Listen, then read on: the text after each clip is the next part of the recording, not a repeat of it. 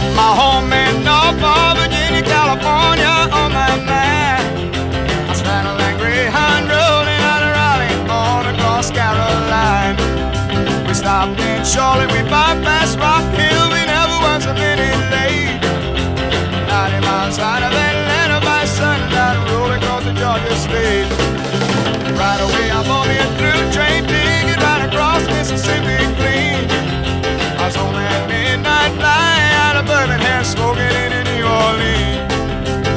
Somebody help me get out of Louisiana, help me get to Houston town. There are some folks who care little about me and they won't let the poor boy down. Bueno, lagunok, amentxe gaude, soinu gelan. Eta gaurko programa honetan izango ditugu nobedadeak batez be, azkenengo ba, asteotan e, kaleratutako mm, diskoak, e, bertokuak eta kanpokoak bebai. Eta horretaz aparte gero, omen alditxo bat egingo diogu, pasaden urrian, hil zan, bateria jole haundi bati, Ginger Baker, bateri jole legendarioa, historikoa, benetan. Baina hasiko gara Bill Frisellekin, Bill Frisell gitar jole haundize, gu soinu gela honetan, eta ba, hogei, hogei urte, hogei eta bat urte, dara maguz, eta beti Bill Frisellen e, nobedadeak ekartzen dugu programa honetara, beraz, hogeita bat urtetan izan dire, segurazki, beste horren beste e, grabazioak entzun ditugunak. Azkenengo hau harmoni deitzen da eta e, Bill Frisellek gitar jolea handi honek egiten duen lehenengokoa Blue Note disketzerako e, kaso honetan mm, taldea mm, ezberdina daukagu nahiko txo e, Luke Berman e, zera e, gitarra e, baritonoa jotzen dau, eta kantatzen dau, bai. Petra Hayden, Charlie Hayden, Petra Hayden, Charlie Hayden, basu jole haundizia izan zan, zauze da bere alaba, baina hemen egiten dauen lana ez da musikarena, baizaka, baizik eta kantaria, jalo Bill gitar jolea jakina, eta Hank Roberts, e, biolontzeloa jotzen dauena. Bueno, mm, gauza berezia, harmoni disko honetan da, e, e, kantuak dire, zerak, ia guztiak, eh? normalean friselen diskuetan instrumentalak ditugu, ia, ia beti, eta instrumentalak besterik ez, baina kasu honetan e, kantuak dire. Bueno, entzungo duguna, azteko, gaurko urrezko kantua izango da, Stephen Fosterrek mila sortzireun eta berrogeita malauan, ba, e, pasatu dire, urtiak, ez da, argitaratu zuen, aspaldiko klasiko bat dugu. Une latzak dausenean, behartzuek batez ere nekez bizi irauten dute. Guk gaur entzungo dugu berzioa, aurten Bill Frisellek e, kaleratu duena, Harmony disko honetan, eta bueno, ba, esan dugu moduan, Petra Hayden, kantari moduan, lan ederra be egiten dago. Hau da, Hard Times, une latzak.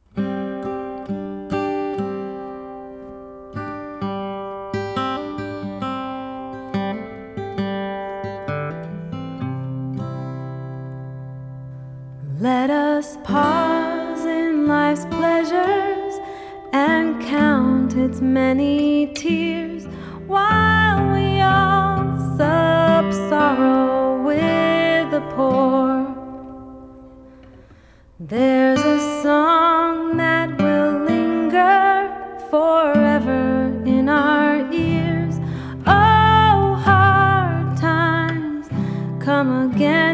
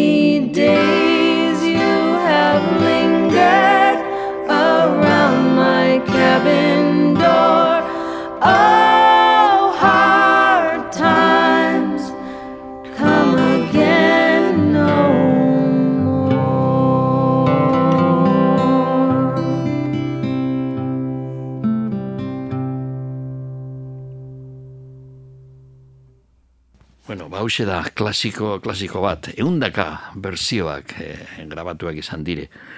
Eta esan dugu moduan, emeritzi garren mendean argitaratu zuen Forsterrek, Stephen Forsterrek argitaratu zuen kantu eredugarria benetan. Bueno, urrengoko kantua, diskonetan entzuko ditugu hiru bigarna, 50 years, berrogeita mar urte, hau da Bill Frisell berak komposatutakoa, baina Petra Hayden be, ahotsaren lana egiten da.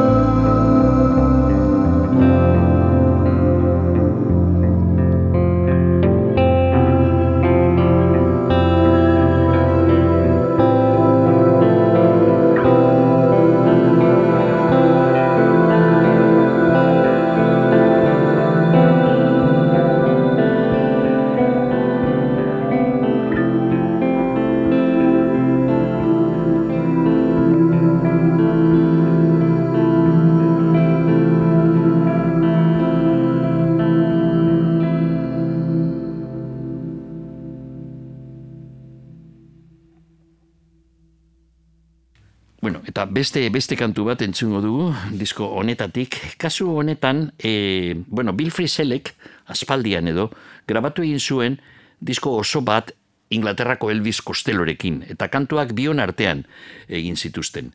Bill Frisellek, doinuak eta Costellok hitzak. E, disko hori grabatu zenean Deep Dead Blue izenpean kaleratu zen. Eta Deep Dead Blue kantu bat zan be. Eta disko honetarako Bill Frisellek, Costellorik gabe, kasu honetan jakine, berreskuratu du e, kantu hau, Deep Dead Blue, eta hause da orain entzungo dugun berzinoa.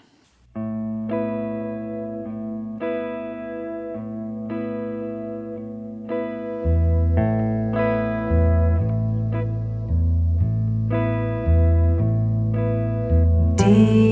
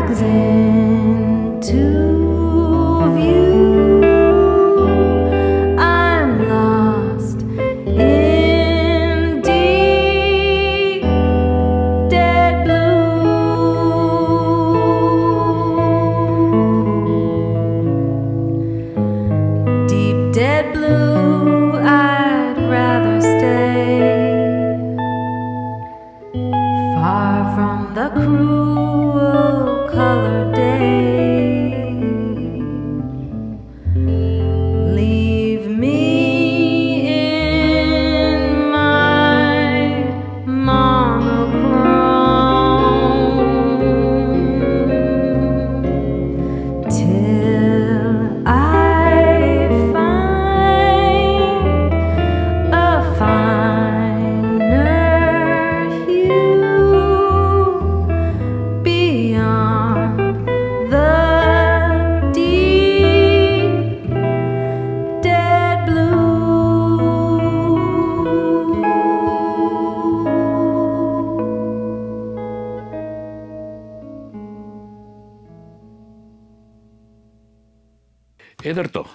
beste, beste nobedade bat. E, hause, Berton kaleratua, kafe antzokiak badu, Bilboko kafe antzokiak, badu, ba, dizketzea, diskoetxea, eta, bueno, bi gauza kaleratu dire, alde batetik vinilo bikoitza, ruperren gaur amarterdietan eta azkenengoa kafe antzokean hiru CD-etatik bilduma bat egin dute eta ba, e, CD, e, parkatu, LP bikoitz batean agertzen dire guztiren ikusti dut amazortzi kantu direla. Baina, bueno, guk hori ez dugu entzungo gaur, pasaden astean entzun, entzun genuen kantu batzuk e, azke, e, azkenengo zedetik, Ruperren azkenengo zedetik, eta e, gaur ekarri dudana da, ba, Josu Zabala eta Gariren e, ertzainak, e, eure kant, e, kaleratu egin dute kafe antzokian gradotako, e, pasaden, ez dakit noiz izan zen, hau, nik uste dute, e, ez dakit, iraian e, izin zen, ezta? Pasaden iraian e, egin zuten, bi kontzertu Euskalduna jauregian Bilbon, baina aurretik egin zuten bat intimoagoa, komatxoen artean, ze eundaka pertsonak egon ziren, Berton kafea antzokian. Eta e, holan e, kafea antzokian, ertzainak, baina gero azpian jertzen du Josu Zabala tagari, ez da posiblea izan batzea ertzainak, bueno, beste batzuk igual, e, ezin zuten edo zuten gure, eta bueno, azkenean e, funtsezkoak eurek ziren jakina. Eta bi, bion artean gehi e, gariren e, zera, taldetik hainbeste musikari be parte hartzaileak izan dire. E, bai, iraiaren amazazpian, ementekote data. Izan zen kontzertu hori Berton Kafe antzokia. Bueno, argitaratu dan zedetik, e, bederatzi kantu kontzertu osoa ez dago, baina bederatzi kantu agertzen dire, gehi bideo bat, eta guk e, entzungo ditugu pare bat edo hiru kantu. Lehenengokoa entzungo duguna, bueno, hau da, klasikoen artean, eh, klasikoenetarikoa, e, ertzainaken lehenengoko LP-an, egon zan kantu hau, eta, bueno, ba, Alfredito, e, Alfreditok Josu Zabalari kontatu zio moduan daukagu historia bat, zigarrillos amarillos.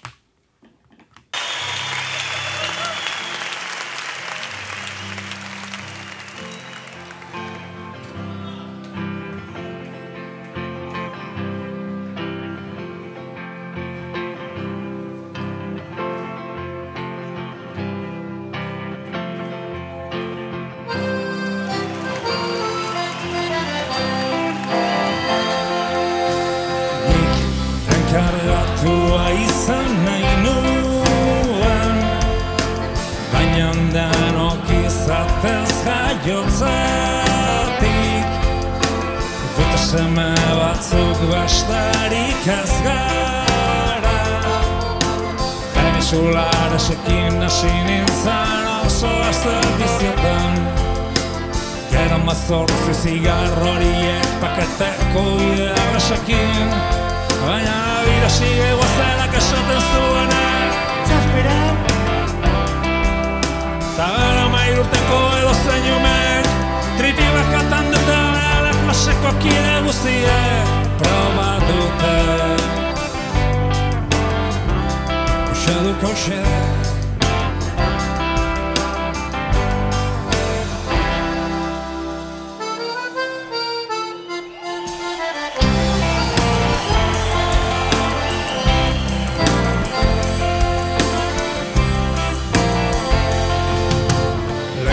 mozorra Pablo Ire gurason ezkontzan harrapa nuen Amonagia nintzalarik I, egin abentzen oraindik. Baina la vida si eguazenak esaten zuena Esperak Ta bera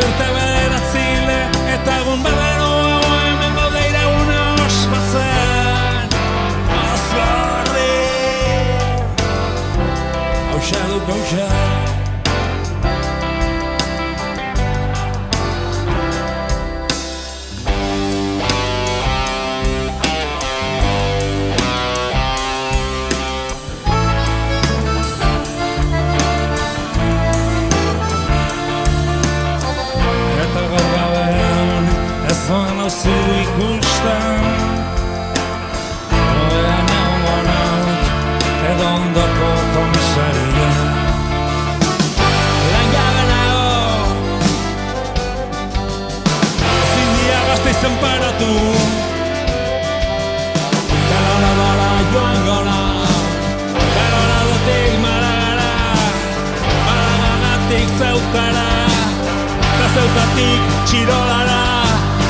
no petrarà Destino petrarà Auxe Auxe. D'un cauxe Duré Destino petrarà Auxe Auxe. D'un cauxe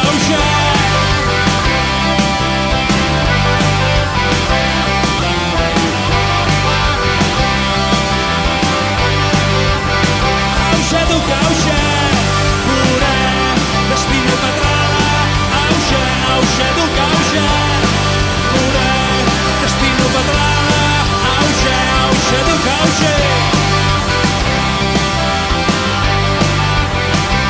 hauxe Hauxe duk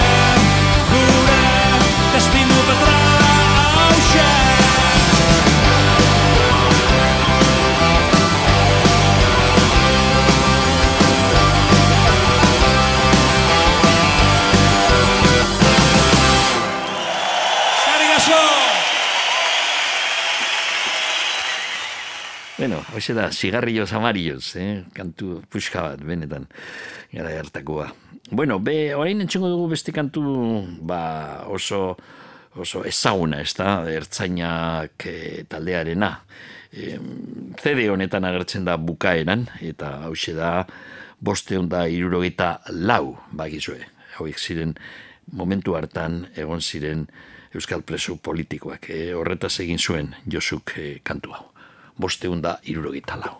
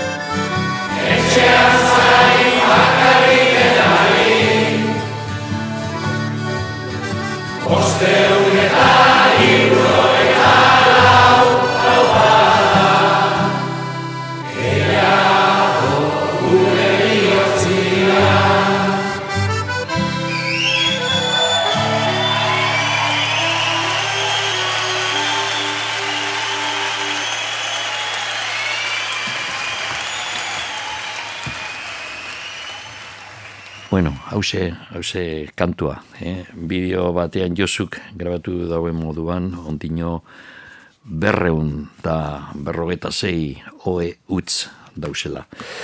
Bueno, ba, orain entzungo dugu mm, beste kantu bat, justo CD honen hasieran dagoena, e, eta hause be, izin zan, e, zibiz e, pasen e, parabelun e, lehenengoko, ertzainaken lehenengoko diskoan zegoen kantua.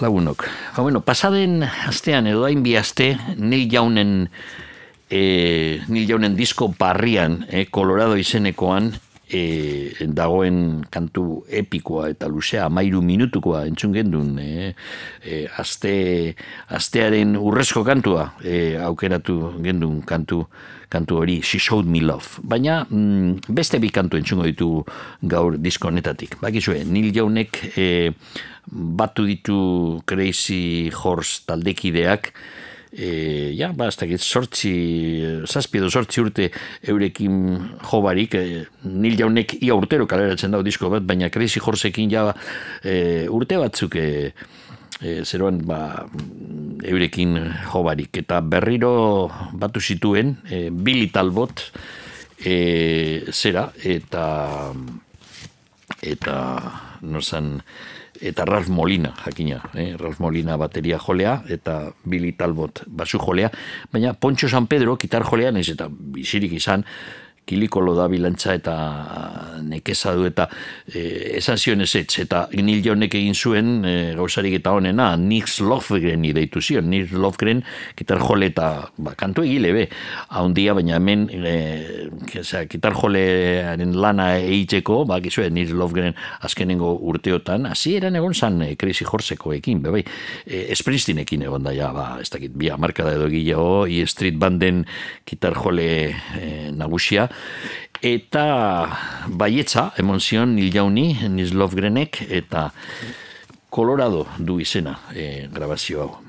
Eta Rocky Mountains, e, zea, aitzetsu, aitzak e, dauzen e, mendizetan, hor joan zan, altura batian, ez dakit, e, lau mila metrotan, e, igual, ez hainbeste, baina edo, iru mila metrotan, e, kontu eda, e, estudio hori oso errizka e, altu altu batean mendizetan grabatu egin zuten eta oksigeno eureia edadekoak izanik oksigeno botila batzuk be izan zituzten estudioan bada espada ere eta antza erabili ere egin zuten altuera horretan e, ibiltzeko hainbeste ordu disko hau grabatzen. Bueno, kantu pare bat entzungo ditugu lehenengokoa hause, orain e, hasiko dana. Think of me, nitaz pentsatu.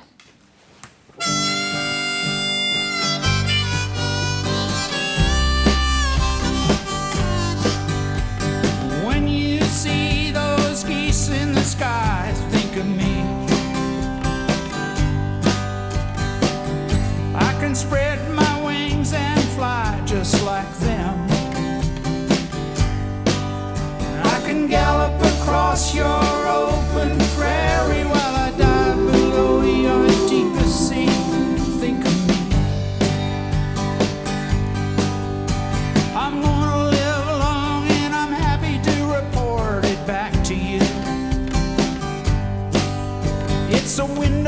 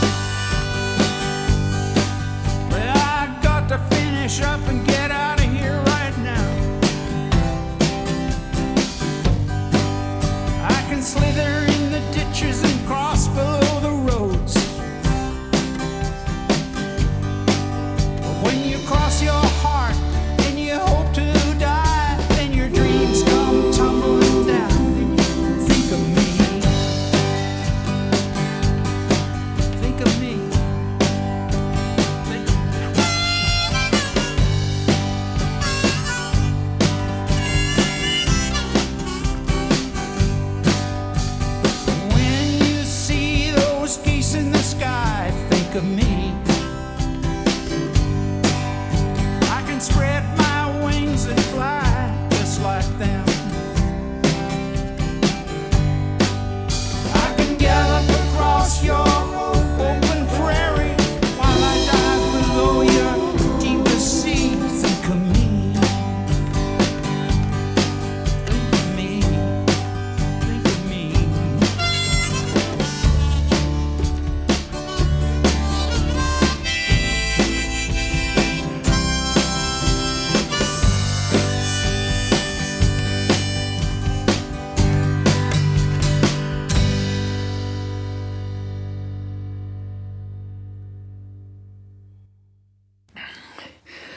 Eta Colorado disko honetatik beste kantu bat eh, entzungo dugu osatzeko gure plazerra, nil jaun eh, izatea soinu belan beti da plazer handi bat.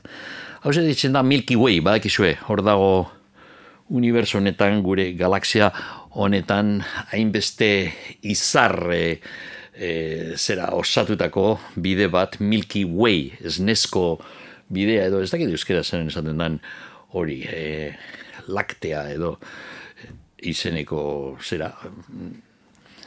E, mm, bueno, ba, etxungo dugu kantua, Milky Way.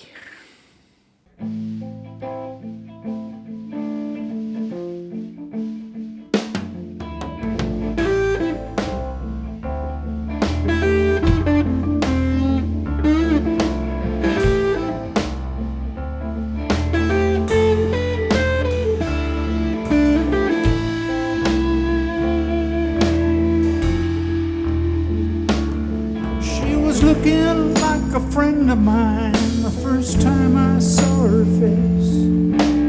I was approaching at the end of the line the first time I ever saw her smile at me that way. I was sailing in the Milky Way, losing track of memories that weren't that day, right by her side. As the stars flew by, I did collide with memory, but somehow I survived and became free.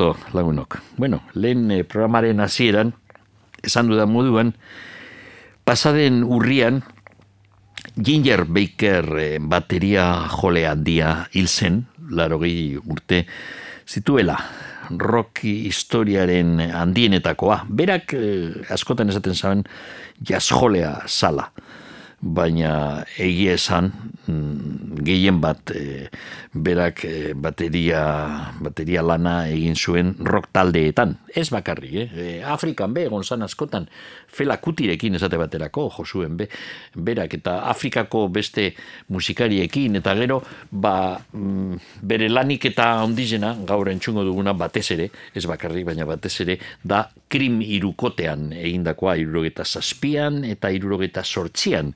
Esan, ezin izan talde ibilbide luze izan zuena, baina oso eraginkorra dudarik gabe. E, olako supertalde bat, e, e, Eric Clapton gitar jolea, Jack Bruce basu jolea, eta Ginger Baker bateria jolea, irurok batera, hankaz gora jarri zuten rock eskena Europan eta estatu batuetan. Aurretik, e, Ginger Bakerrek jo zuen e, Alexis Corner, e, Blues Incorporated, e, blues e, eta and blues musika batez be egiten zuen, eta gero krim taldea desegin ostean egin zuen Air Force, Ginger Bakers, e, Air Force, bere talde propioa, sortu zuen, Rick Gretsch eta, bueno, musikari askorekin hori zen lako orkestra txiki bat, e, saspido sortzi musikariak ziren, Eta gero mila gauzetan e, egonda Ginger Baker, baina batez be e, Blind Fate taldea, bebai egon zan, hor e, Eric Clapton, e, Steve Wingwood eta Rick Gretschekin. Eta gero, ba, beti da musika egiten, orain urte pare bat edo, ja nahiko kaskatuta zegoela eta itzi, itzi zion musika egiteari. Ni horatzen naiz eh, Ginger Baker Cream taldearekin inoiz ez gen, genuen ikusi zuzenean jakine gaztegiak ginen eta irurogeita zazpian eta irurogeita sortzian. Gero, egia esan, batu ziren Clapton, Jack Bruce eta Inger Baker, oin nogei urte edo, eta Londresen bakarrik, Londresen e, kontzertu, osea, Royal Albert Hallen uste dut kontzertu pare bat edo egin zuten eta disko kaleratu. Baina, ametik Inger Baker pasatu zen, nigo goratzen naiz, ongi ere, izan zen urrian bebai, e, urrian hilda eta urrian izin zen, zergatik gogoratu hainbeste urte pasatu ostean, hogeita mar urte doi jau, ze San Faustoak izan ziren, San Faustoak dire jaiak durango, baina basaurin bebai. Eta basauriko uh, jaietarako, ekarri zuten Ginger Baker, baso zelai futbol zelaian, zegoen programatukuta kontzertu hori, eta e, azkenengo momentuan kriston txaparra da, hori da arazoa jaiak e, urrian direzenean, askotan eguraldi txarra egiten dauela. Total, e, kontua da, baso zelaien ezin, ba, zegoen eskena tokia eta musika tresnak eta dana pres E, eta dana eroan behar izan zuten e, pasauriko dantzaleku batera, leku kutrea eta mitikoa e, dantzaleku hori Peoples izenekoa.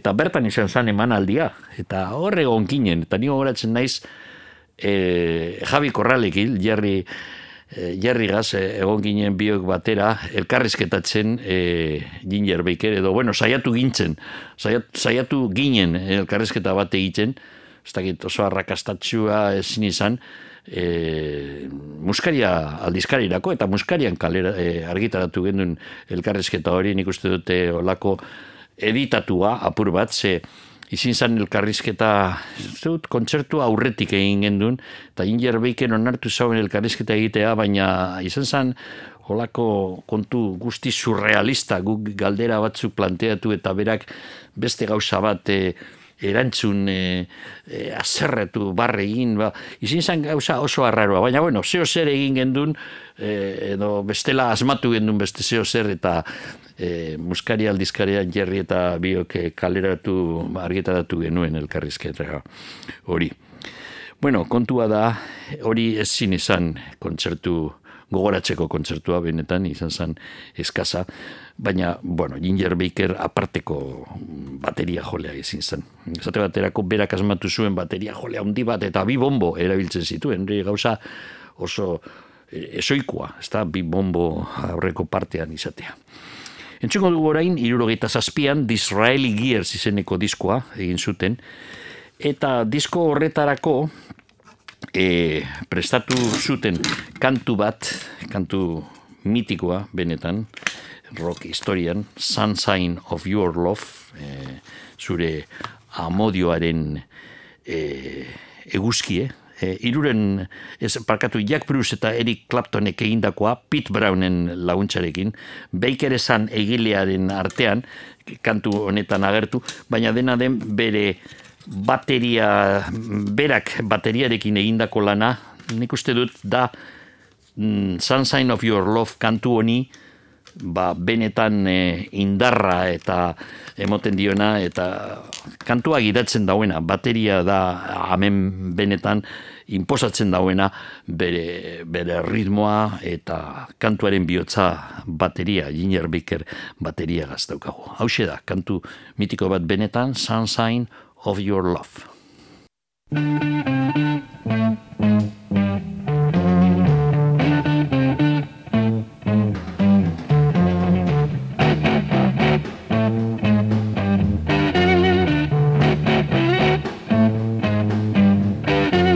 It's getting near dawn when lights close the tired eyes. I'll soon be with you, my love.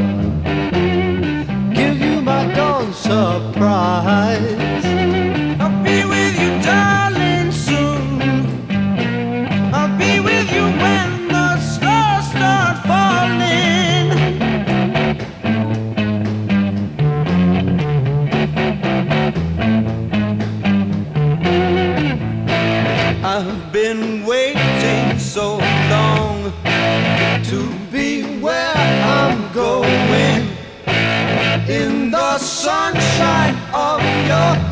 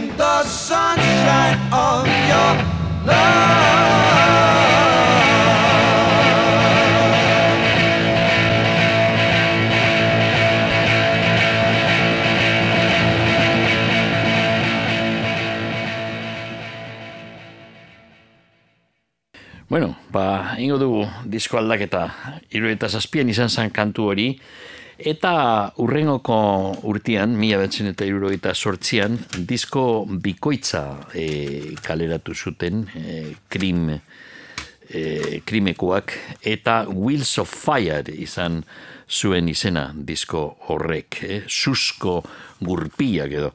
E, izan zen disko bikoitza, e, egin zuten bat estudioan, e, bederatzi kantuekin, eta beste lau Fillmore e, zera, mm, grabatutakoak e, San Franciscon, e, Winterland, San Franciscon, Fillmore West e, delakoan. Bueno, ba, entzungo dugu kantu bat estudiokoa, hause bai dala Ginger Bakerrena, Mike Taylorrekin batera indakoa, Passing the Time. E, Mike Taylor izin zan, ba, gizue, gero Rolling Stones taldean egon zan, e, gitar jolea, eta Baker eta eh, Mike Taylor egin zuten Passing the Time izeneko kantua. Hemen Jack Bruce, Ginger Baker eta Eric Claptonekin batera, Ferris Papalardi teklatu jolea be egon zan grabazio honetan. Kantu eder bat.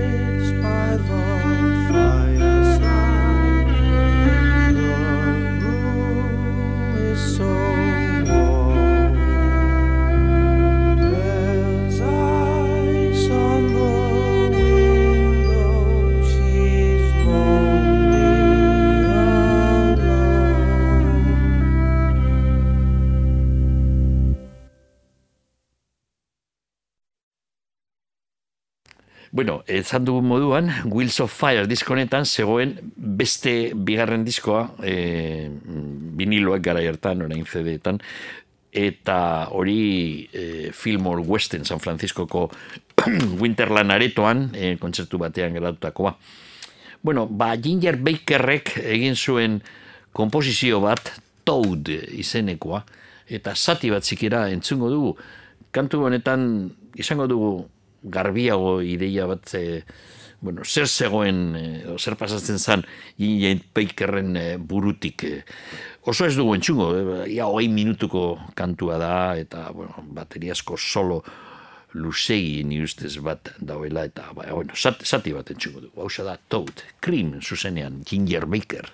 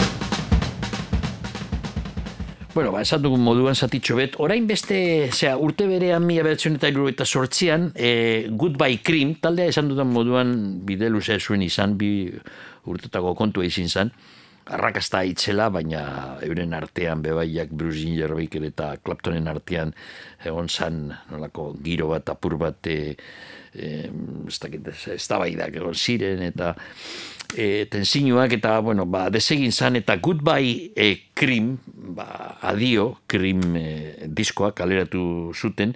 Disko horretan egon ziren kantu batzuk estudiokoak, pare bat edo hiru eta beste, horren beste, zuzenean bergaratuakoak. Guk aukeratu dugu I am so glad, hau da klasiko bat, hogeita marrekoa markadan, e, Skip James, Mississippiko Bentonia iriko Skip Jamesek grabatu zuen kantu azte zina, e, I am so glad, so posik naizen. Eta ba, berri bere zati bat entxungo dugu, amar minutuko berzinoa dugu hemen zuzenekoa, eta zati bat entxungo dugu. I'm so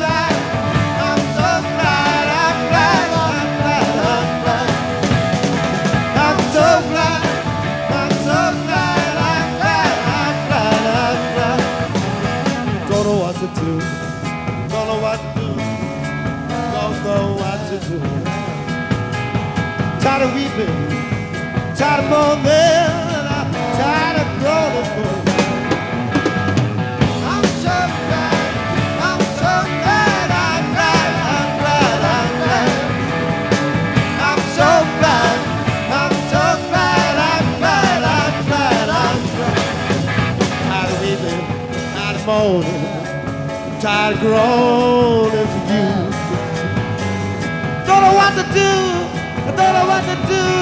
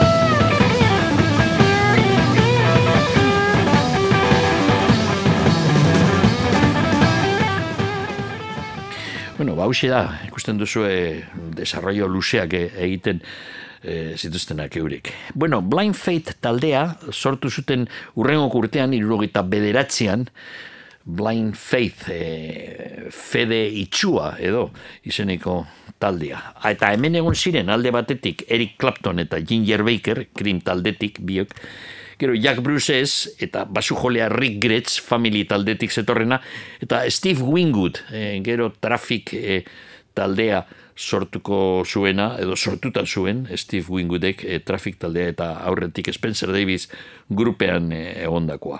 E, izan zen, disko talde honek Blind Faithek e, disko bakarra kaleratu zuten eta e, egin zuten berzio bat Buddy Hollyren Well Alright kantuarena azte zina benetan, hause da.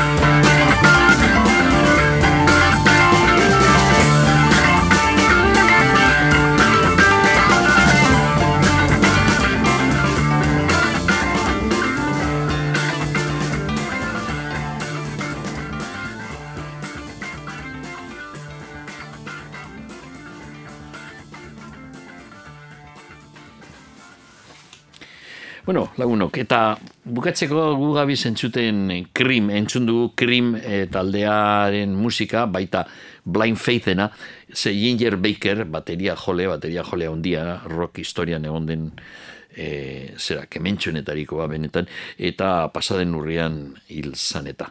Entzungo dugu, mm, lehen komentatu dugu, Ginger Baker e, talde hauek desegin ostean, irro eta bederatzen egin zuen Ginger Bakers Air Force e, izeneko taldea. Eta eurek azain beste grabazio egin, eta guk entzungo dugu kantu bat Ginger Baker e, berak komposatutakoa. Deitzen da Sweet Wine, ardo gozoa.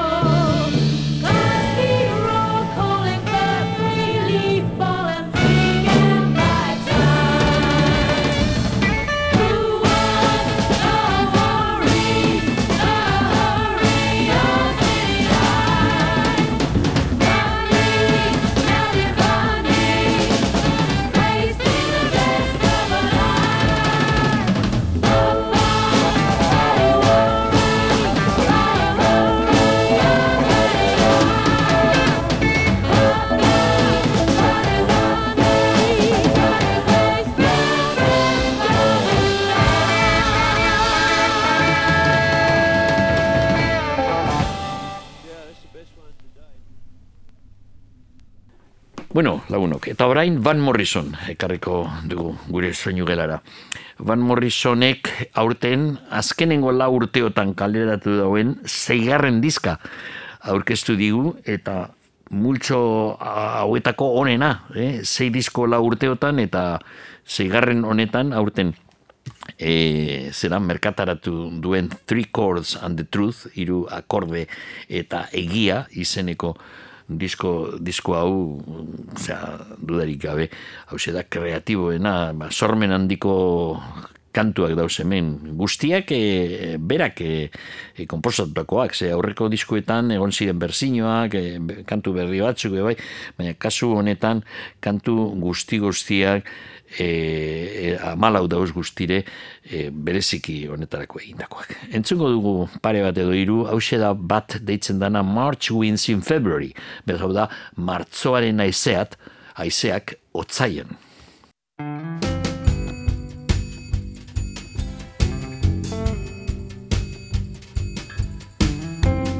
March winds and February signal the spring. March winds and February it's that kind of thing. This was writer can write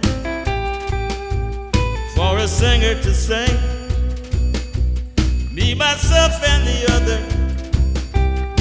The something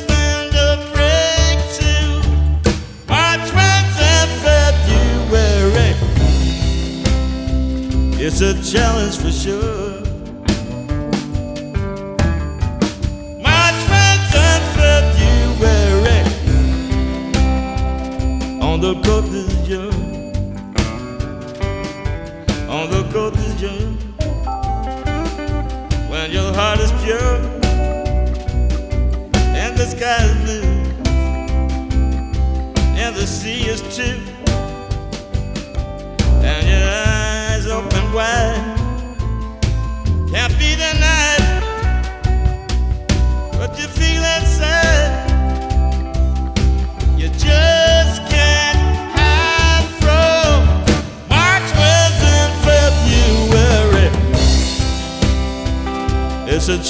sure. show.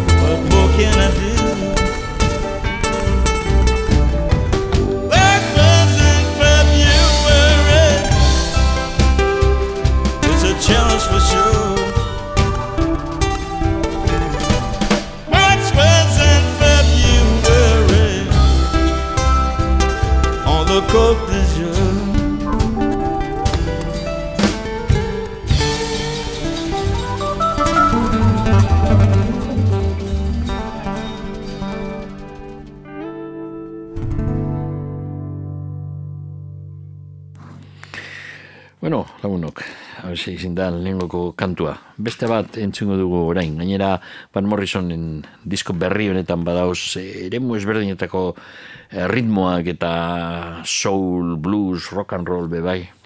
Hauxe deitzen da Fame Will Eat Your Soul, ospeak jango dau zure harima.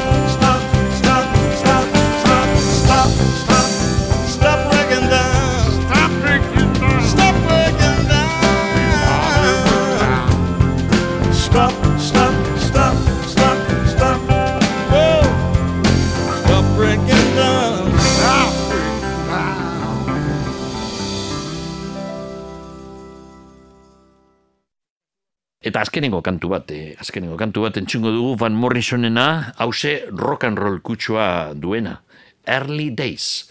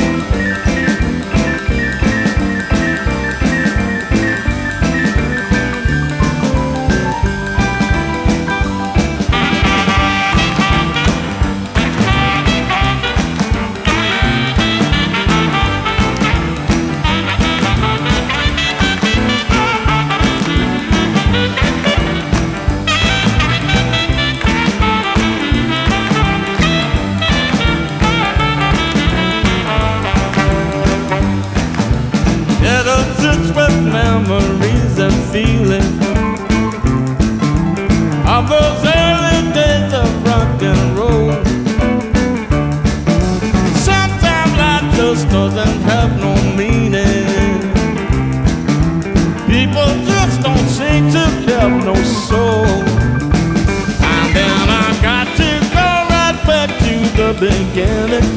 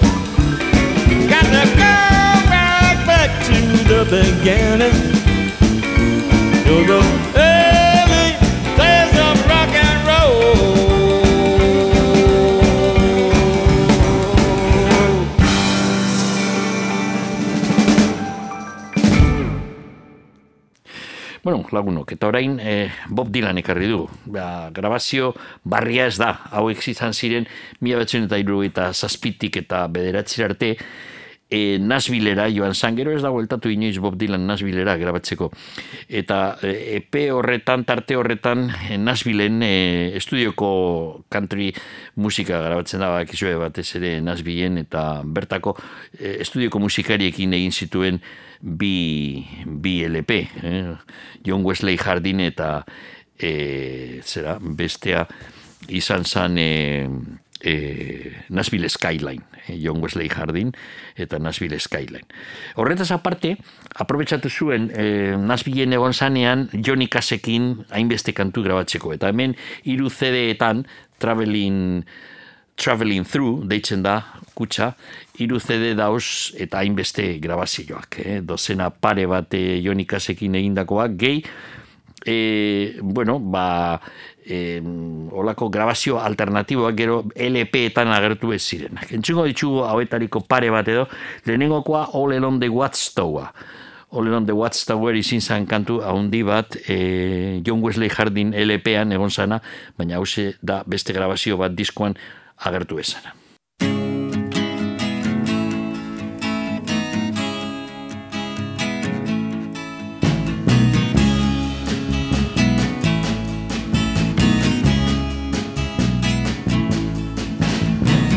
There must be some way out of here, said the joker to the thief.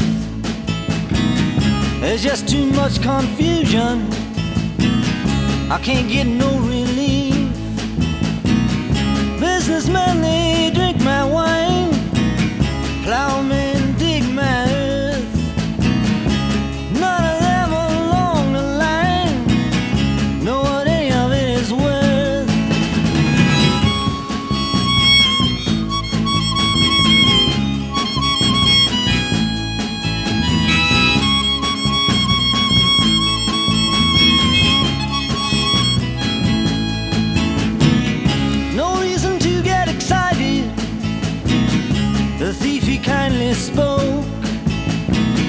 There are many here among us who feel that life is but a joke.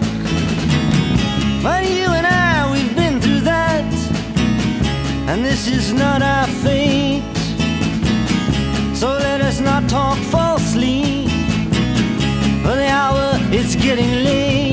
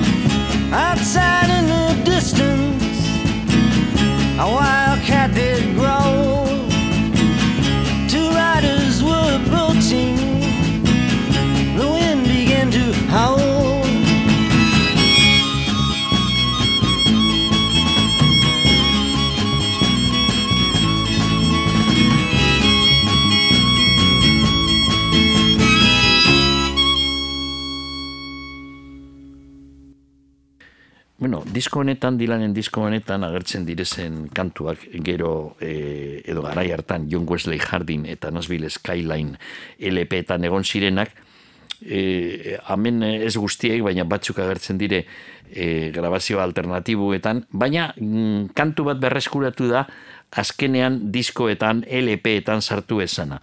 Hauze deitzen da Western Road eta Nashville Skyline diskorako grabatu zen esan kaleratu eta orain entzuten dugu lehenengo aldiz.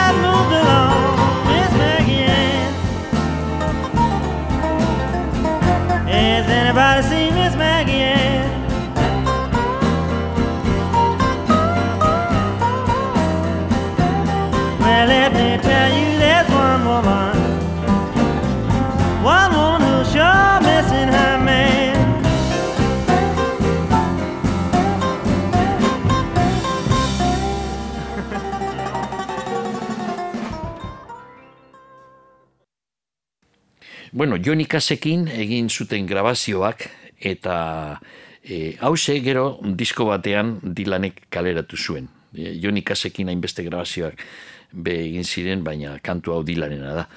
Hause da iparraldeko neska, Girl from the North Country.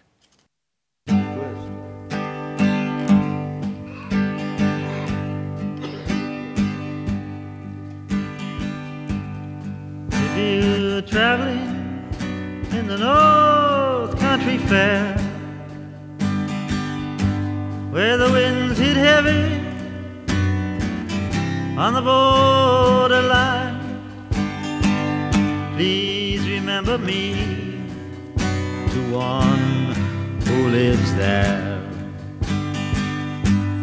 She once was a true love of mine.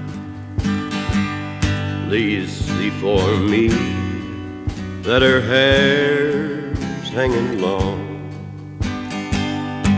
It curls and falls all down her breast. Please see for me that her hair's hanging long.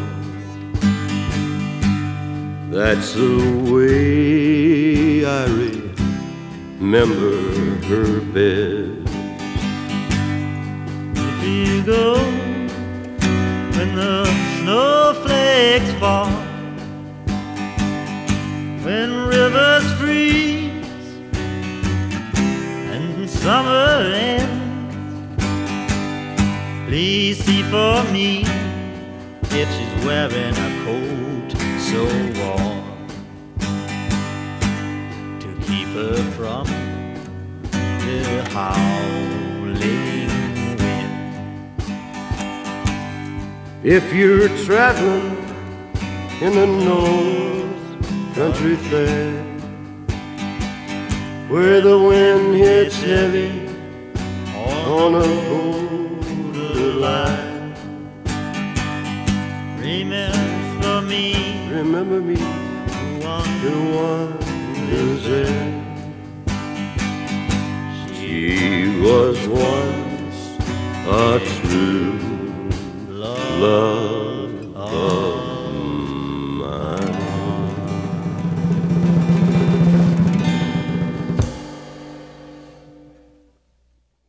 Bueno, lagunok, eta beste kantu bat hause grabatu zen estudioan, baina zuzenean Jonikasen telebistako mm, berak zuen zaiorako. Eta biok batera dauz, bai Bob Dylan, bai Jonikas zuzenean telebistan. I threw it all away. Ladies and gentlemen, here is Bob Dylan.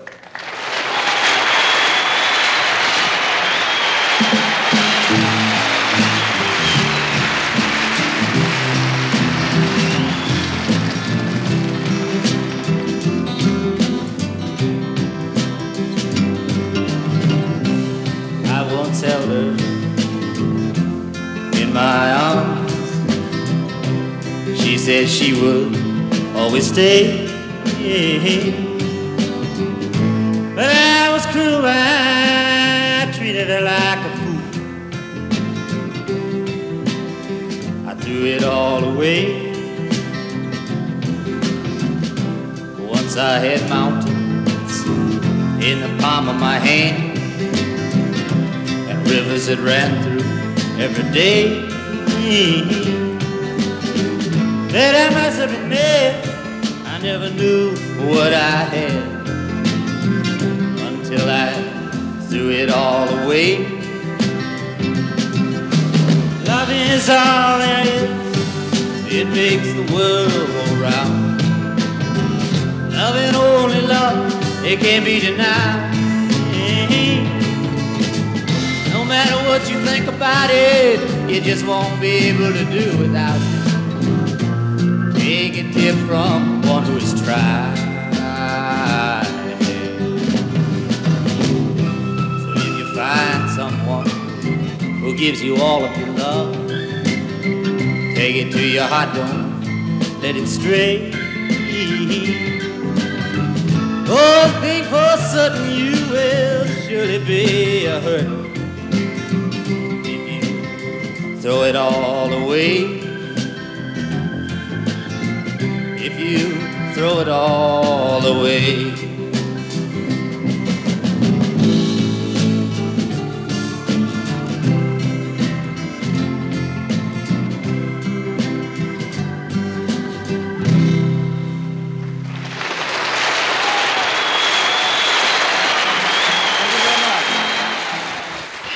Ederto, bueno, ba, bos minututxu dauzkagu gure gaurko saio honetan, eta ba, orain gitxi, kaleratu, koleratu da, revolta permanente ba, disko barria, bagabiga disketzean, e, lobotomiak deitzen da disko berri hori, eta izen bereko kantua, baina singularrean, lobotomia, entzungo dugu. Hau da, revolta permanente.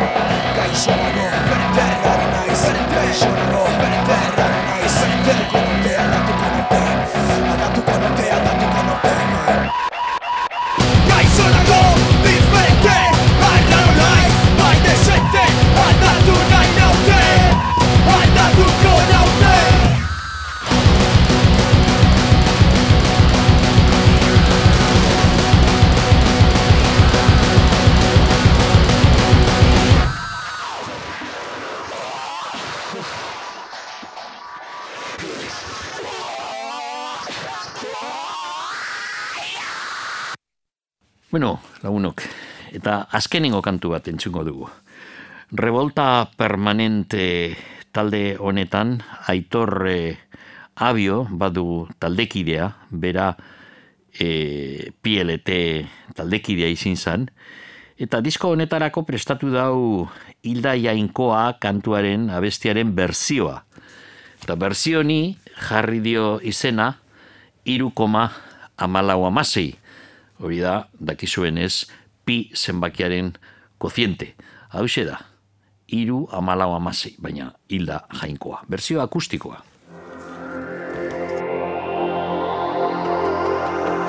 Gaixonako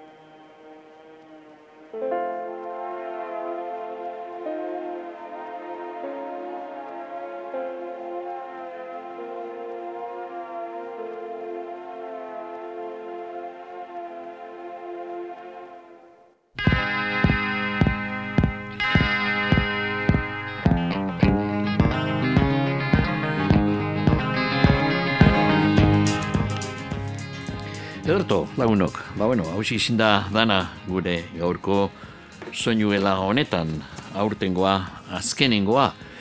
E, Bill Frisell izan dugu, berarena ezin da, bere azkenengo diskotik atara dugu e, aste honetako urrezko kantua, gero ertzainak taldearen disko barria zuzenean, Berton Kafean txokian pasaden iraien gratakoa, hiru kantu entzun ditu hortik, Neil Jaunen Colorado izeneko grabazio barria, Ginger Baker bateria jole ba, historikoari ba, omenezko ba, lekutsu bat egin diogu gure soinu gelan eta krim garaiko kantuak entzun ditugu.